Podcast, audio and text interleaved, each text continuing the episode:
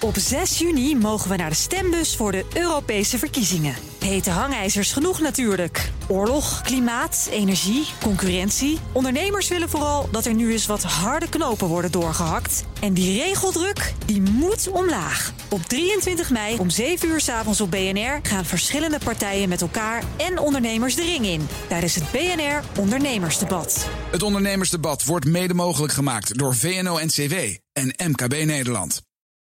De column van Jaap Jansen. Hans van Mierlo zei ooit: Je kiest een politicus zoals je een vriend kiest.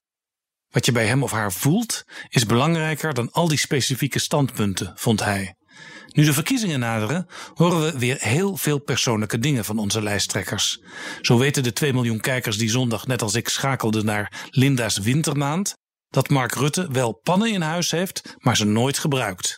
Dat hij derde kerstdag stom vindt en nietjes helemaal. En wie geabonneerd is op de door de Chinese staat gecontroleerde tiener-app TikTok, weet sinds een paar dagen dat Jesse Klaver heel goed is in een gek dansje, uitgevoerd in de grote hal van de Tweede Kamer. En op Instagram verscheen een nogal vreemde tekst van Sigrid Kaag. Blijkbaar in een poging dichter bij de kiezer te komen, schreef ze over het dilemma wat haar als 23-jarige overviel toen ze moest kiezen tussen de universiteiten van Oxford, Cambridge en Exeter. Twitter ging los. De enorme pijn van te moeten kiezen tussen Oxford, Cambridge en Exeter is inderdaad niet in woorden te bevatten. Dat wens je niemand toe, schreef oud-Kamerlid Zini Usdiel.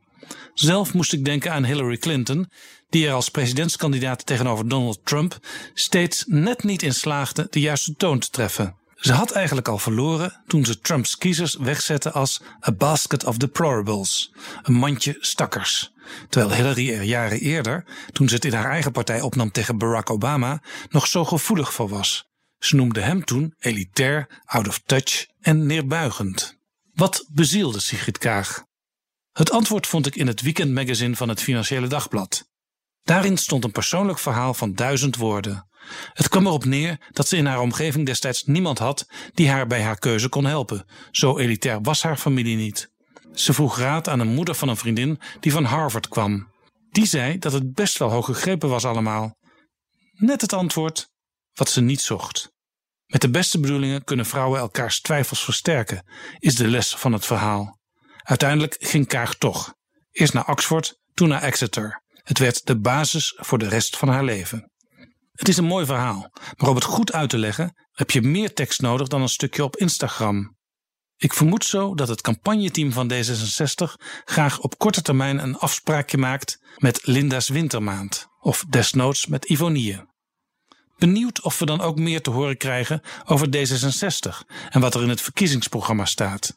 Op internet is het een en al Team Kaag, het partijlogo nergens te vinden.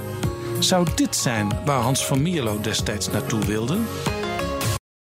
Op 6 juni mogen we naar de stembus voor de Europese verkiezingen. Hete hangijzers genoeg natuurlijk. Oorlog, klimaat, energie, concurrentie. Ondernemers willen vooral dat er nu eens wat harde knopen worden doorgehakt. En die regeldruk, die moet omlaag. Op 23 mei om 7 uur s avonds op BNR gaan verschillende partijen met elkaar en ondernemers de ring in. Tijdens het BNR Ondernemersdebat. Het Ondernemersdebat wordt mede mogelijk gemaakt door VNO-NCW en MKB Nederland.